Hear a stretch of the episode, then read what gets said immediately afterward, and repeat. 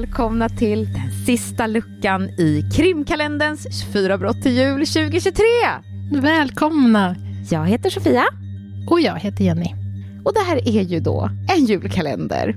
24 avsnitt i december från den första ända fram till julafton. Och vårt Instagramkonto, krimkalendern, ska ni absolut följa. För där kommer vi lägga upp bilder som har med alla fall att göra. Precis, och vårt konto på Patreon heter som en slump också Krimkalendern och där får ni jättegärna stötta oss. Då får du ett bonusavsnitt per månad de månader vi inte gör ordinarie avsnitt. Och just nu finns det 30 avsnitt att lyssna på. Kanske speciellt nu när man är så här, ja, nu har jag lyssnat på alla 24 avsnitt. Precis, nu är det nu slut, lite, men det är ja, inte slut. Det är inte slut, det finns 30 avsnitt som väntar på Precis. er. Ja, och som ni vet så har vi ju Lucia-tema den 13. Och det var ju i år eh, min lucka att öppna och så har vi jultema den 24. Och det är Jenny som ska berätta. Ja, det är det. Men först, jag har så många som jag tycker om som fyller år runt jul. Mm. Min yngsta dotter, hon fyllde år för fyra dagar sedan. Och imorgon så fyller du, Sofia, år. Jajamän. Japp. Men idag julafton, är en alldeles extra speciell dag, för idag fyller nämligen min pappa, världens bästa pappa Åke, 80 år. Åh, fyller han igen? Ja, så därför vill jag passa på att säga grattis pappa, jag älskar dig. Men vad fint, jag blir alldeles rörd. Vad fint. Heja Åke! Men nu är det dags för lite tristare saker. Ja. Och som traditionen bjuder här på krimkalendern så ska ju kalenderns sista lucka, precis som du sa, ha en koppling till jul. Och tyvärr så händer det hemska saker kring jul. Jag önskar liksom att Roofman hade slagit till eller åkt fast i juletid istället. ja. Jag älskar förresten att vi har hållit på så länge nu, att vi faktiskt kan säga att vi har traditioner. För ja. vi håller just nu på att öppna den sista luckan, år fem. Det är lite tokigt tycker jag. det är helt sjukt att vi har hållit på så länge. ja, eller hur? Men nu till julaftonsfallet. Ja. Den här dagen kommer vi tillbringa i Storbritannien. Och jag vill varna för att det här är ett otäckt avsnitt som innehåller bland annat sexuellt våld och brott mot barn. Mm. Joanna Claire Yates föddes den 19 april 1985 i Romsey i Hampshire i England. Hampshire är distriktet som ligger sydväst om London med en lång kustremsa. Joannas mamma hette Teresa, hennes pappa David och hennes tre år äldre bror Chris. Joanna var en social person, lättsam och enkel att komma överens med. Hon var nyfiken på livet och ofta full av energi. Joanna visade tidigt ett intresse för naturen. Hon älskar att vara ute och gräva i och odla och när hon blev äldre utvecklade hon en passion för design. Vad kunde då vara bättre än att plugga till en examen i landskapsarkitektur när hon hade gått ut gymnasiet? Sagt och gjort. Joanna pluggade på två olika högskolor innan hon till sist tog sin masterexamen på The University of Gloucestershire. Året var 2008 och Joanna var 23 år gammal. Hon sökte och fick jobb på ett trädgårdsarkitekturföretag. Joanna trivdes på jobbet. Arbetsuppgifterna var toppen och det var även hennes kollegor. I synnerhet en av dem, den två år äldre Greg Reeden. Joanna visste rätt snart att hon var förälskad och som tur var så var kärleken besvarad. Efter några månaders dejtande bestämde Joanna och Greg att de ville flytta ihop och satsa på en framtid tillsammans. Så när deras företag som de arbetade på skulle omlokalisera till Bristol på den engelska västkusten passade de på att flytta med och flytta ihop. Efter ett tags bostadsletande hittade de sin drömbostad. En lägenhet i ett stort, vackert viktorianskt hus som hade blivit uppdelat i ett antal hyreslägenheter på Canier Road i en förort till Bristol. Ägaren till huset bodde själv i en av lägenheterna vilket var praktiskt om någonting skulle behöva pratas om eller fixas. Joanna sökte och fick ett nytt jobb på företaget The Building Design Partnership som projekterade och byggde helhetskoncept. Det första projektet Joanna fick hand om var att designa en trädgård till ett sjukhus som företaget var ansvariga för att göra ritningar till. Hösten 2010 var härlig. De var nyinflyttade och Joanna hade tagit nästa steg i sin karriär när hon bytte jobb.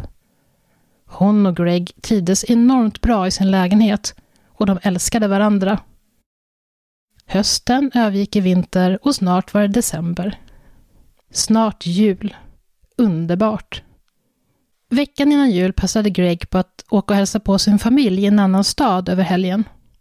Han åkte den 17 december och när han kom hem söndagen den 19 december, ungefär klockan åtta på kvällen, så fann han till sin förvåning att lägenheten var tom.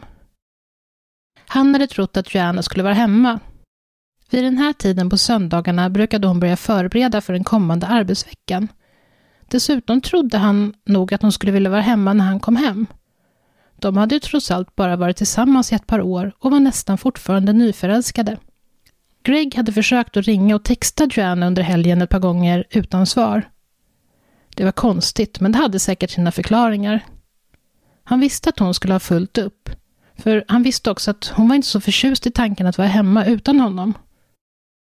De hade hittills tillbringat varje natt ihop sedan de flyttade ihop, så hon höll nog igång hela helgen för att slippa vara så mycket ensam. Dessutom var det snart jul och massor att göra. Det var märkligare att hon inte var hemma nu på söndagskvällen.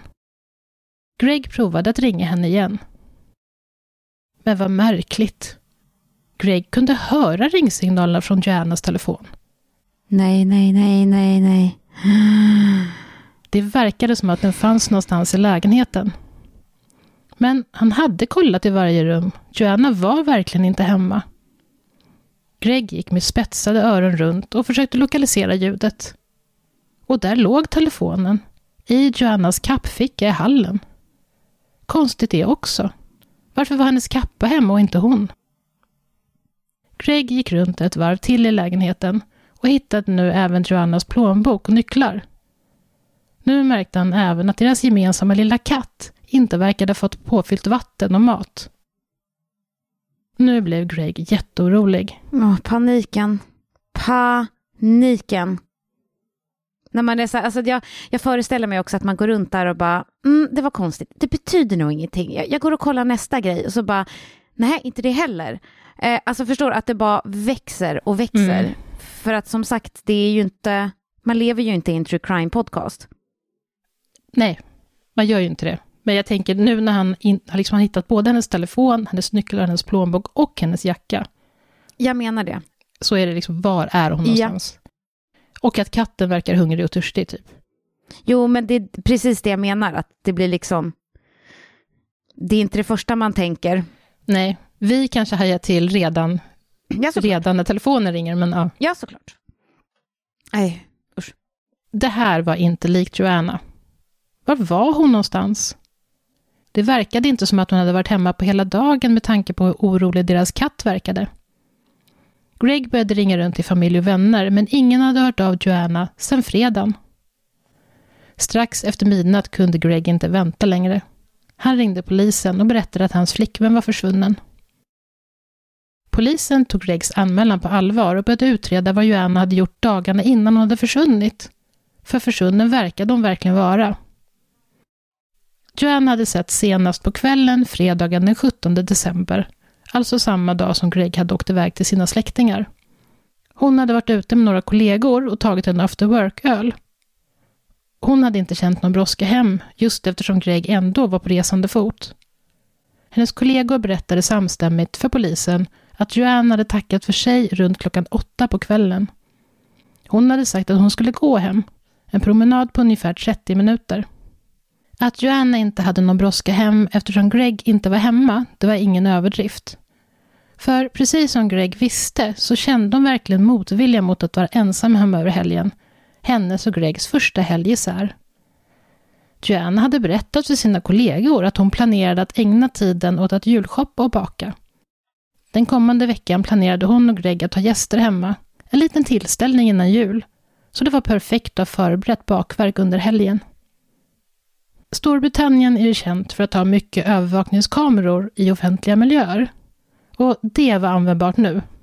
Polisen gick igenom de kameror som fanns ut med vägen, eller den väg som de trodde att de skulle ha tagit på sin promenad hem från puben på fredagen. Klockan tio över åtta hade hon fastnat på film utanför en livsmedelsbutik. Där hade hon varit inne en stund, men kommit ut utan att ha handlat någonting.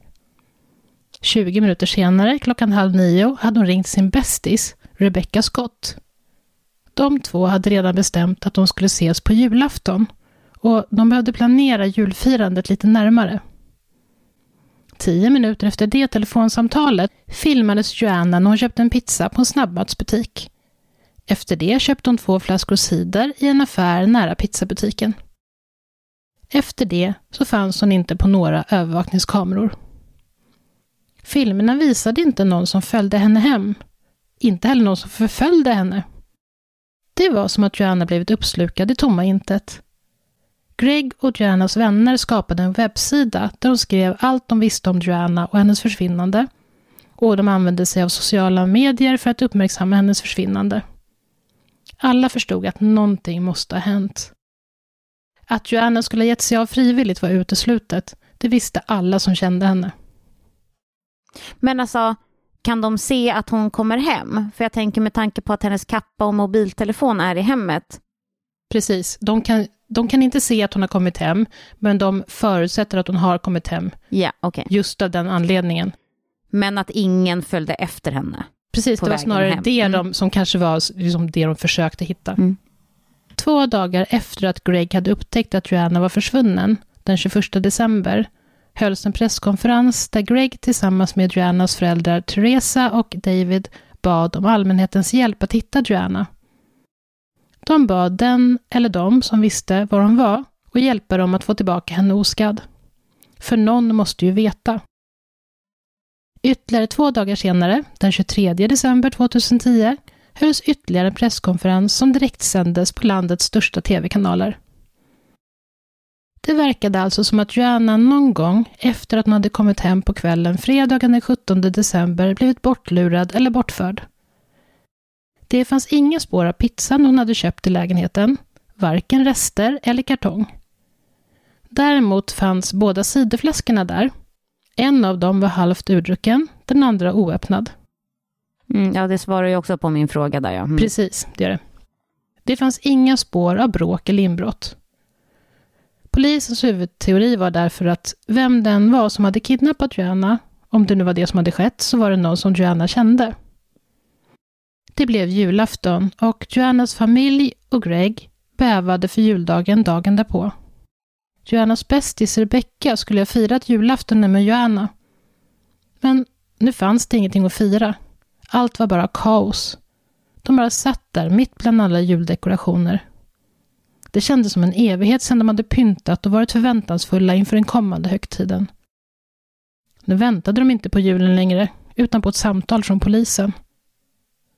Men mest av allt väntade de på att Joanna skulle komma in genom dörren som om ingenting hade hänt.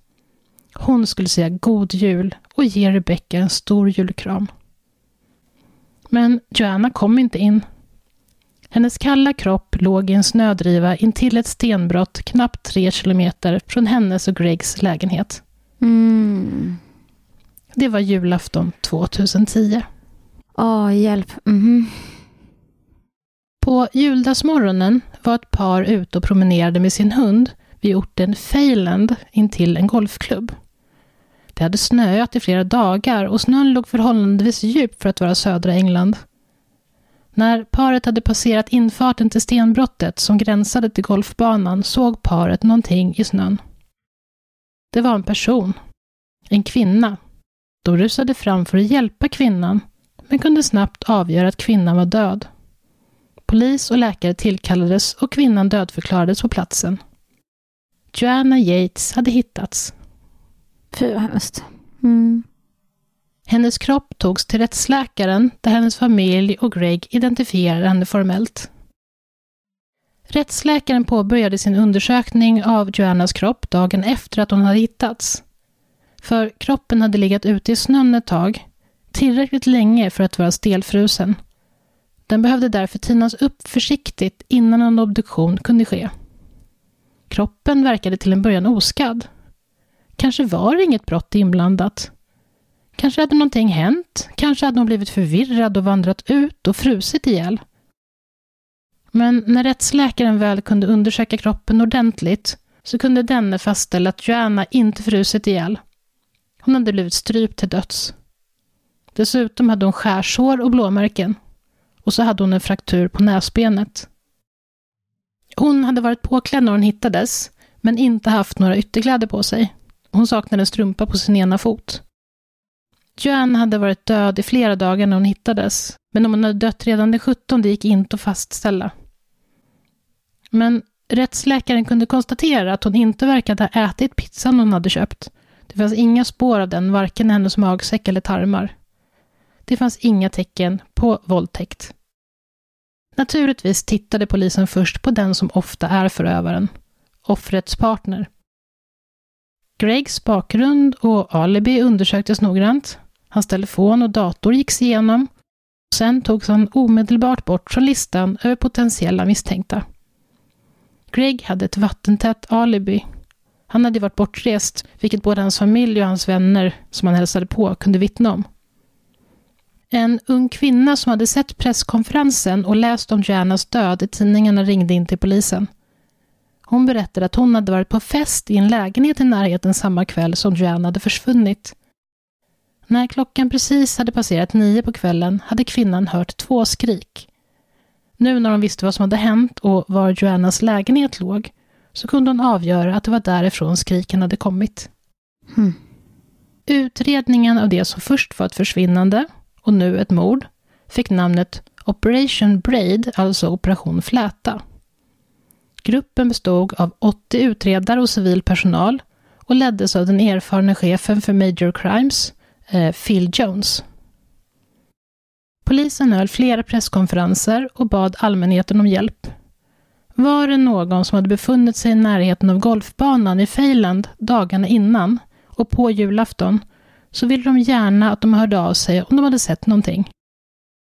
Det behövde inte vara någonting som de har upplevt som misstänkt, allt var av intresse. De gick samtidigt ut med varning att personer i området där Greg och Jana bodde skulle vara extra vaksamma. I synnerhet kvinnor skulle vara försiktiga med att gå ut ensam under kvällstid. Polisens uppmaning om att höra av sig togs på allvar. Hundratals, ja tusentals telefonsamtal kom in. Hundra timmars övervakningsfilm från olika restauranger och butiker ut med vägsträckningen där Joanna hade promenerat gicks igenom. Och skräp och andra lösa föremål som hade funnits runt deras liksom, lägenhetshus samlades in. Inte mindre än 293 ton material gicks igenom i jakten på spår. Jag börjar liksom undra hur mycket skräp kan det ha legat där egentligen? Mm, mm. Belöningar på totalt 60 000 brittiska pund erbjöds av tidningen The Sun och Crime Stoppers för tips som ledde till ett gripande och en dom. Crime Stoppers det är en, en plattform där man via telefon eller på nätet anonymt kan anmäla brott eller misstanke om brott. Crime Stoppers finns i flera länder och drivs ibland som separata organisationer och ibland så är det en del av polisens arbete. Men kanske hade polisen redan hittat sin man för de hade nämligen fått in ett tips som verkade trovärdigt. En granne till Joanna och Greg, Vincent Tabak, ringde den 30 december in och berättade att han var bortrest. Han var och hälsade på sin familj i Nederländerna över nyår. Det han ville rapportera var att han hade lånat ut sin bil till Christopher Jeffries, hyresvärden, som ju också bodde i huset. Nu blir jag osäker om jag nämnt hans namn. Det vet jag inte, men, men jag minns ju att du berättade att han bodde där, vilket var praktiskt och så vidare. Mm. Precis, så att en granne ringde och talade om att eh, han hade lånat ut sin bil då till hyresvärden. Mm. Han skulle liksom inte tänkt på det om det inte vore så att Kristoffer hade lånat bilen just den 17 december, dagen Joanna försvann. Och den här Vincent Tabak, han tyckte att det var misstänkt. Det var liksom ett, det var ett lite för märkligt sammanträffande. Mhm. Den lilla grejen liksom. Ja, tydligen. Men, och polisen höll med.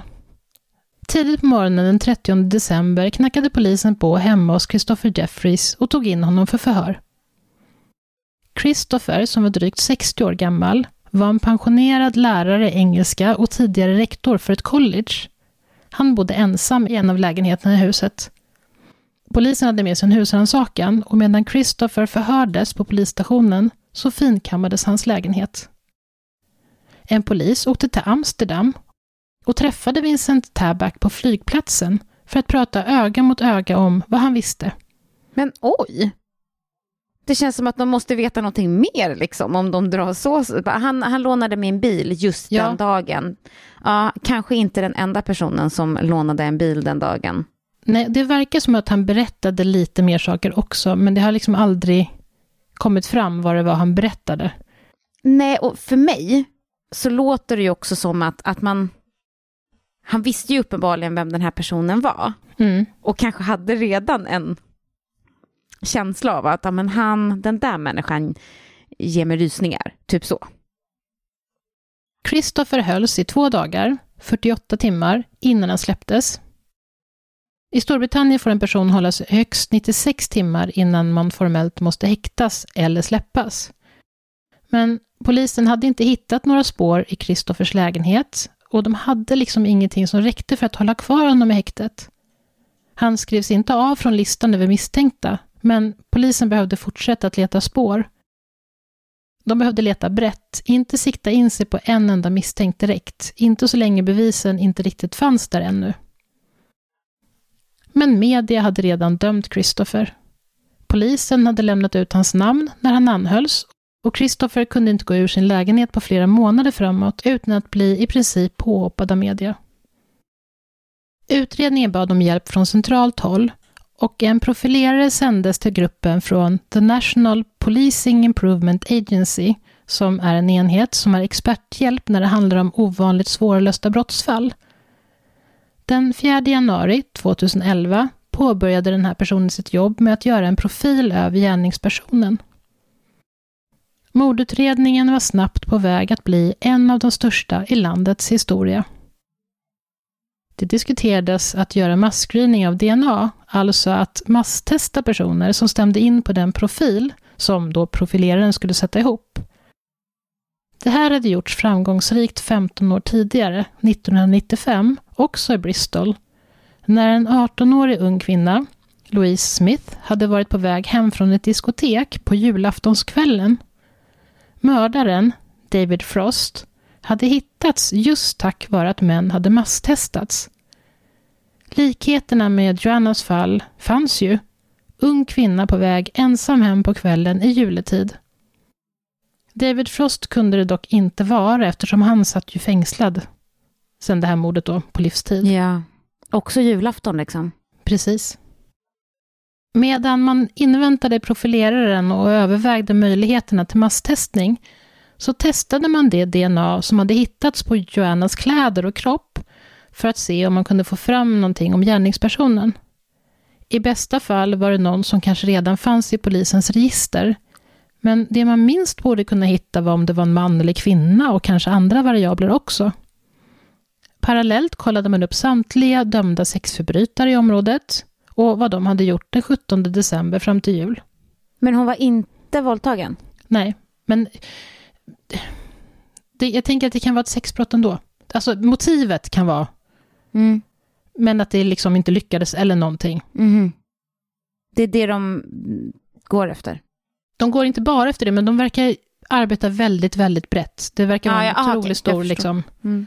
Ja, men det här med att de letar igenom, vad var det, 250 ton med skräp och allt vad det var. De verkar liksom göra typ allt. De har inte riktigt samma personalbrist eh, som i Sverige. Verkligen inte. Min, mesta, min nästa mening i manuset var faktiskt så här, rättsläkaren hade bedömt att Joanna inte blivit våldtagen, men det innebär ju inte att mördaren inte kunde ha varit sexuellt motiverad. Nej. I början av januari så intervjuades Joannas föräldrar i programmet Crime Watch, som är liksom partners till Crime Stoppers. Eh, Crime Watch är ett program som liknar det svenska programmet Efterlyst. Mm. Och de planerade även ett längre inslag med en rekonstruktion av Joannas rörelser kvällen hon försvann och även en rekonstruktion av hur hon blivit hittad i snön på juldagen. Och det programmet skulle sändas den 26 januari. Men redan efter det första inslaget med Joannas föräldrar så ringde en kvinna in till polisen. Hon hade ett tips, sa hon, men hon ville vara anonym. Hon berättar att hon trodde att en man vid namn Vincent Tabak var den som hade mördat Joanna. Vincent, som ju var den som hade ringt in tipset om Christopher Jeffries, han bodde tillsammans med sin flickvän, granne med Joanna och Greg, precis som Christopher.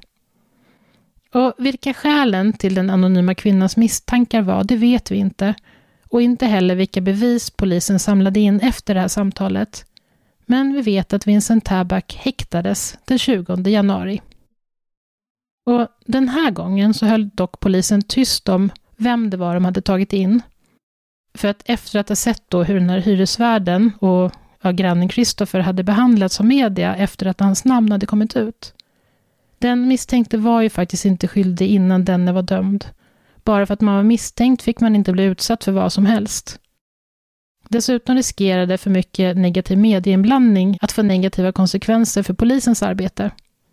Så därför var det locket på den här gången. Vincent och hans sambos lägenhet söktes igenom och även en av hans vänners lägenheter som Vincent lånat i ett par dagar innan jul. Alltså innan han åkte iväg till, till Amsterdam. Mm.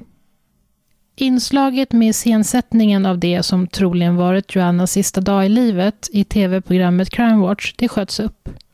DNA-testerna som gjordes av DNA som hade hittats på Joannas kropp visade att det sannolikt var Vincent Tabaks DNA. Men kvaliteten på DNA var för dåligt för att en definitiv matchning skulle kunna göras. Men chansen att det inte var hans DNA var ungefär en på en miljard. Okej. Okay. Mm -hmm. Den 22 januari återhäktades Vincent Tabak, nu på sannolika skäl misstänkt för mordet på Joanna. Och han avstod från att ansöka om att bli släppt mot borgen.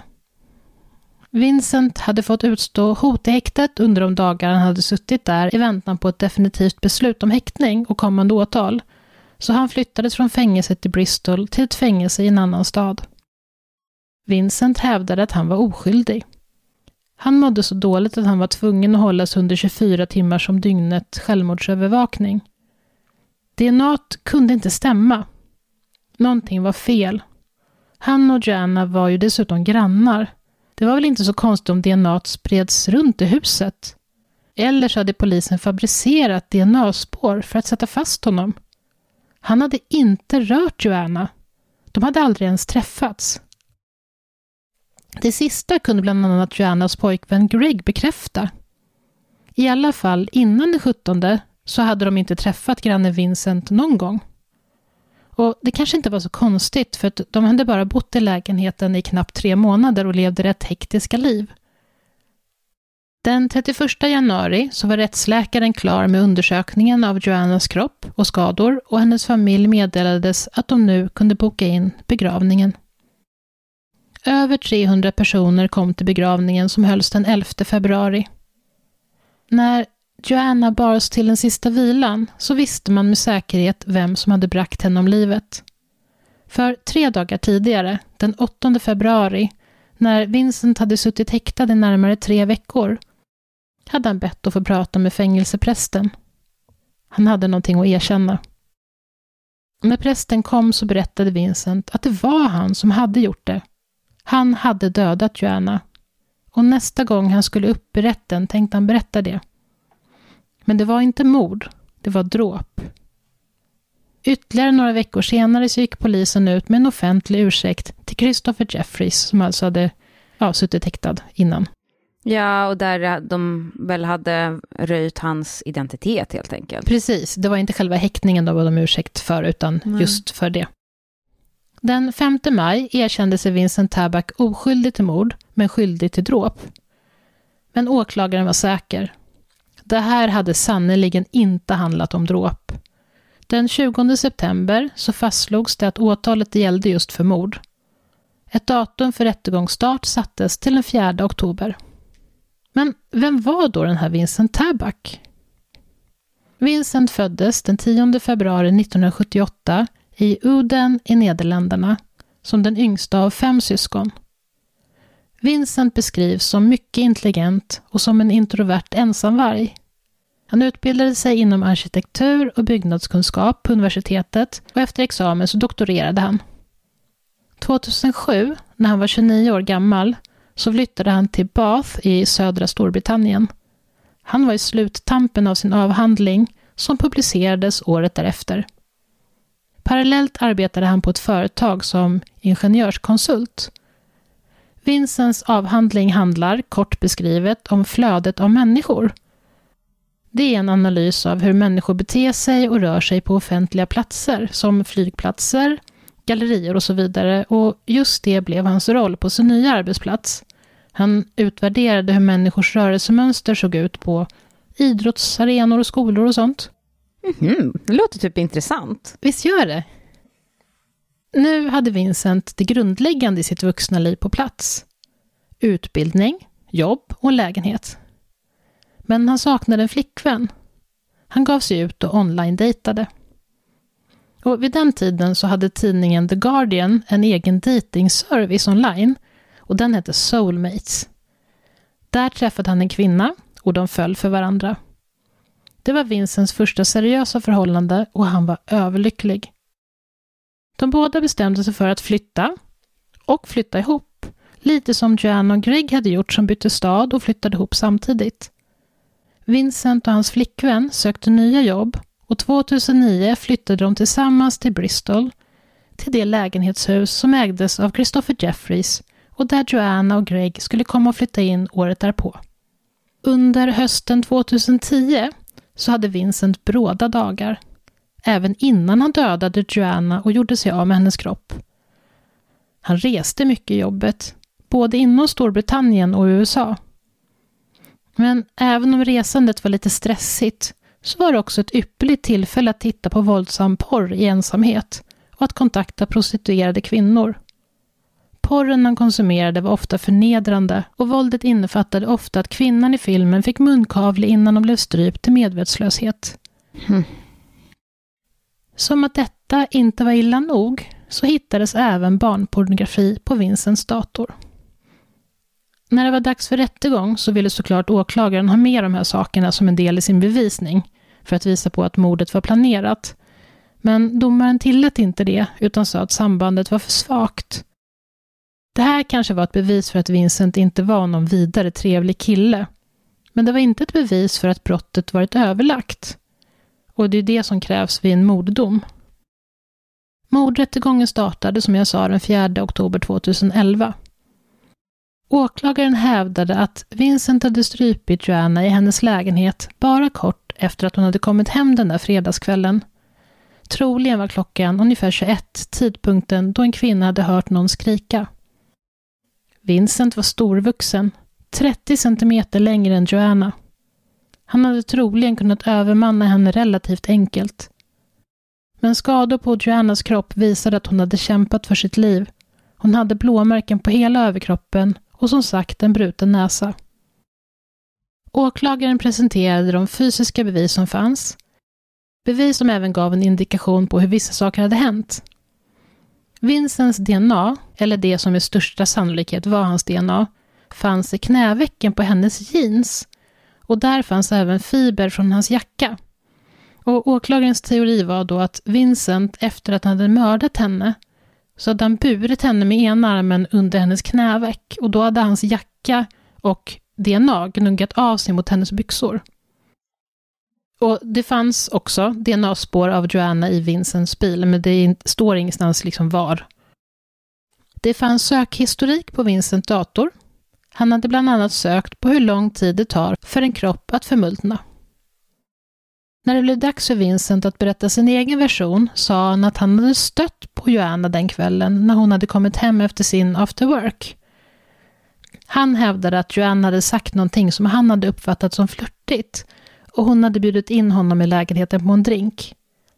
Han hade tolkat det som hon hade sagt som en invit, men när han hade försökt att kyssa henne hade hon börjat skrika och han hade fått panik. Hon hade dött när han hade försökt få tyst på henne. Det var nästan en olyckshändelse skulle man enligt Vincent kunna säga. Mm -hmm. För han hävdade att han hade bara hållit löst runt Joannas nacke. Och det hade inte varit länge heller, bara runt 20 sekunder. Efteråt, när han hade märkt att hon var död hade han fått panik och bestämt sig för att göra sig av med kroppen. Den 26 oktober så var den tre veckor långa rättegången över. Juryn överlade i två dagar innan de meddelade att de ansåg Vincent skyldig till mord med 10 mot 2.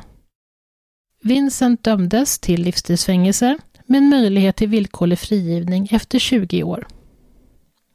Två år senare, i december 2013, åtalades Vincent för de mer än 100 barnpornografiska bilder han hade haft i sin dator. För det dömdes han i mars 2015 till ytterligare tio månader i fängelse. De tio månaderna skulle dock avtjänas parallellt med hans morddom, så i praktiken påverkar det inte tiden egentligen, förutom att det troligen kommer göra det svårare för honom om han ansöker om villkorlig frigivning efter 20 år, tänker jag. Just det, just det. Mm. 2016 ansökte Vincent om att få avtjäna resten av sin dom i fängelse i Nederländerna, alltså sitt gamla hemland. Ansökan avslogs. Och som jag sa så hade ju Christopher Jeffrey fått en ursäkt från polisen. Och som sagt, inte för att han hade blivit anhållen och hållits i förvar i två dagar, utan för att polisen hade gått ut med hans namn och att han därför i princip blivit trakasserad av media. Media hade överlag en rätt aggressiv framtoning under utredningen. Vid ett tillfälle, vid en presskonferens den 4 januari, alltså knappt två veckor efter att Joanne hade hittats död, så var tv-kanalen ITN så pass öppet kritiserande av hur polisutredningen sköttes att de bortförbjöds från att komma på följande presskonferenser. Mm -hmm. Vad var det för kritik undrar man ju då, för det låter ju som att de har gjort väldigt mycket, eller? Ja, jag har inga exakta exempel, men de var tydligen extremt kritiska mot hur det sköttes. Så vet jag inte vad de sa, men... Nej. Och brittisk media har ofta fått kritik för sina metoder, kanske i synnerhet skvallertidningar, men även övrig media. Till exempel har ju deras inblandning i prinsessan Dianas död 1997 starkt kritiserats, men även jättemycket annat. Och inte mycket tydde på att det hade blivit bättre år 2011. När ITN stoppades från att närvara vid presskonferenserna anklagade de polisutredningen för censur. Så småningom lyftes förbudet, men polisen gick ut med ett tydligt meddelande till media. De skulle inte tveka att stänga av en tv-kanal eller tidning igen om de gjorde någonting som riskerade att försvåra polisens arbete. Men att kritisera polisen försvårar väl inte polisens arbete direkt, eller? Nej, det låter bara som att de var liksom, liksom kränkande, att de verkligen gick över alla rimliga gränser. Mm. Men minst lika illa var medias behandling av privatpersoner, som i det här fallet Christopher Jeffries. Från att han hade häktats till att polisen gick ut med att de hade häktat Vincent Tabak, så var media inte nådiga. Det handlade bara om tre veckor, men det räckte för att smutsa ner bilden av Christopher. Bland annat beskrevs Christopher i media som underlig, en översittartyp, oanständig och obehaglig. Tidningen hade intervjuat några av Christophers tidigare elever och de beskrev honom tydligen som en slags smågalen professor som fick eleverna att känna sig obekväma på grund av hans märkliga beteende. Han beskrevs också ha ett intresse för mörka och, udda filmer. Mm. Och då är man en mördare. Ja, precis. Även alla som lyssnar på true crime-poddar, det vet vi väl? Precis, ja, ja.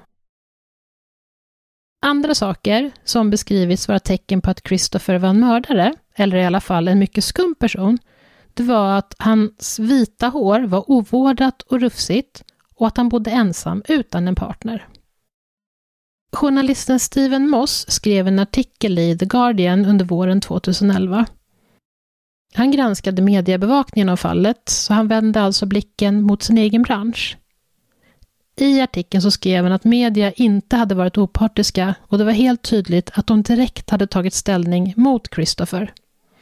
Det verkade som att den outtalade åsikten var att en man som såg så udda ut inte kunde vara oskyldig. Christopher stämde flera tidningar civilrättsligt. Tidningarna erkände sig skyldiga och betalade Christopher en okänd summa i skadestånd. Tidningarna blev även brottsåtalade och Daily Mirror och The Sun dömdes i juli 2011 båda till böter på 50 000 respektive 18 000 brittiska pund. Det här är alltså några hundratusen svenska kronor.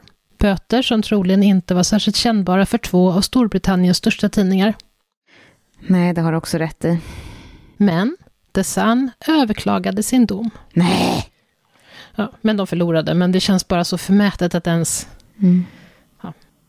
I december 2014 så släppte tv-kanalen ITV, kanalen som hade blivit avstängd från presskonferenserna, en miniserie om Christopher Jeffries.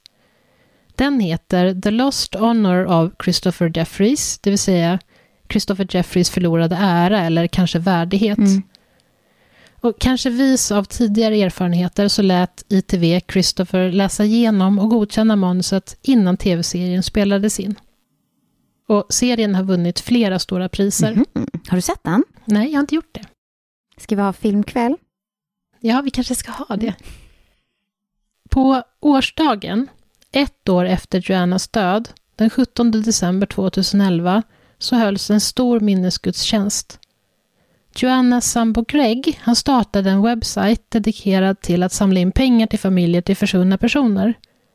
Och hennes bror Chris, han har arbetat aktivt för organisationen Missing People och hjälpt dem att samla in pengar. Joanna, som ju älskade naturen och trädgårdslivet, fick en egen minnesträdgård i Sir Harold Hillier Gardens i Romsey, alltså staden där hon växte upp. Där hade hon jobbat, alltså i den här parken, så hade hon jobbat extra under sin tid som student. När hon mördades arbetade hon med ett projekt där hon designade en trädgård till ett sjukhus, sa jag ju tidigare. Mm. Och den här trädgården den färdigställdes efter hennes ritningar efter hennes död och den fick hennes namn. Och det var berättelsen om mordet på Joanna Yates. Mm. Du, det hade inte jag hört talas om. För ofta så är det ju julaftonsfallen är ju fall som man liksom, ja, men det där har man hört hundra gånger. Ja, jag hade inte heller hört det och det här är ändå ett av Englands största, liksom mest Mm. omfattande mordutredningar. Intressant. Så jag är förvånad över att jag inte heller hade hört talas om det. Så fruktansvärt. Men nästa år så är det din tur att köra julen. Mm. Och då tar vi någonting roligt istället. Vadå då tar vi någonting roligt? Du vet hur svårt det är att hitta något överhuvudtaget. ja, jag vet. Det, det, ja, det är typ omöjligt. Nästan. Men eh, ja, det var det. Wow. Alltså, tack det var sista för, luckan. Ja, tack för det och tack för hela den här kalendern. Verkligen, tack. Det har varit underbart. Det har det. Jag har ju sagt flera gånger, så direkt efter inspelningen, att bara, du, vilka bra fall du har, Jenny. Och jag tycker Och jag verkligen har sagt det. likadant. Äsch då, nej jag skojar. Nej men du har haft en sån fruktansvärt bra blandning av olika slags fall. Jag är alltid väldigt upprymd, låter ju för positivt, men efter att vi, du har liksom läst upp ett fall för mig. Så att tack snälla för detta. Och jag säger samma sak tillbaka. Och det är ju faktiskt lite vår grej och därför vi startade podden, för att vi saknade en podd som ja, men har en blandning. Ja, precis. Tar upp fall som man inte har hört talas om. Precis. Då får vi se vad det blir härnäst då. Ja, men nu känns det som vanligt lite Vemodigt. Ja. Ja, men det är också jul och det känns härligt. Det För nu känns ska härligt. vi fira jul och imorgon ska du fira din födelsedag. Grattis i förskott. Precis, tack så mycket. Det blir trevligt. Så vi vet ju inte riktigt när det blir fler avsnitt, men vi vet ju att det kommer bonusavsnitt på Patreon. Precis. Så in där och ge oss en julklapp, antingen via Patreon eller kanske fem stjärnor på din poddspelare eller något. Det vore väl trevligt? Precis, det vore mycket trevligt. Och god jul på er där ute. Ja, god jul. Ha det bra. Ha det så bra. Hej då! Hej då!